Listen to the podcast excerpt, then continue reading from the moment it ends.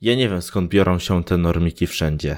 Ja dawniej, jak w 2003 roku założyłem konto na Facebooku, to po dołączeniu do grupy przez pierwszy rok nie dałem nawet lajka. Czytałem wszystkie posty wstecz, tyle ile się dało. Nauczyłem się listy adminów na pamięć. Na wyrywki, jakby kto mnie spytał jaka jest ósma litera niku trzeciego od końca listy alfabetycznej admina, grupy sympatyków betonu, to odpowiedziałbym bez zastanowienia od razu, po przebudzeniu w środku nocy, szybciej niż tabliczka mnożenia. Scrollowałem w dół i patrzyłem na to, kto został zbanowany, jaka jest historia i powód bana. Takie nazwiska jak Piotr Fanbeto to pewnie wam nic nie mówią, a ja potrafię wskazać całą historię jego konta od poczęcia do bana, którego dostał za obrażenie idei prętów zbrojeniowych. Trzeba się wczuć w klimat grupki, znać jej atmosferę i najważniejsze postaci i historię, nauczyć się języka, co jest znacznie trudniejsze i bardziej pracochłonne niż nauka jakiegoś języka obcego. Nawet tak trudnego jak chiński, wietnamski czy czeski, żeby móc w ogóle pomyśleć zanim da się reakcję, a ja, ja zaczynałem to tylko lajki jeszcze były.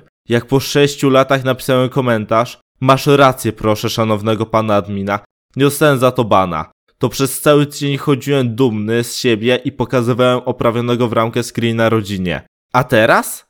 A teraz mimo, że dodali te śmieszne łapki, przez które widać, że ktoś jest na grupie od chwili, czyli od miesiąca i nadano słuszną koronę w postaci tarczy admina przy niku, to już się zdarza, że jakiś normik nowogleda da reakcję albo skomentuje coś adminowi nawet. Pewnie nie wiedząc nawet jak się nazywają jego rodzice i z kim siedział w ławce w podstawówce. Pokory ludzie, to są grupki na Facebooku, a nie jakieś wasze małe organizacje studenckie. Koła gospodyń wiejskich albo parlament Rzeczypospolitej. Tu trzeba być poważnym i szanować i znać swoje miejsce.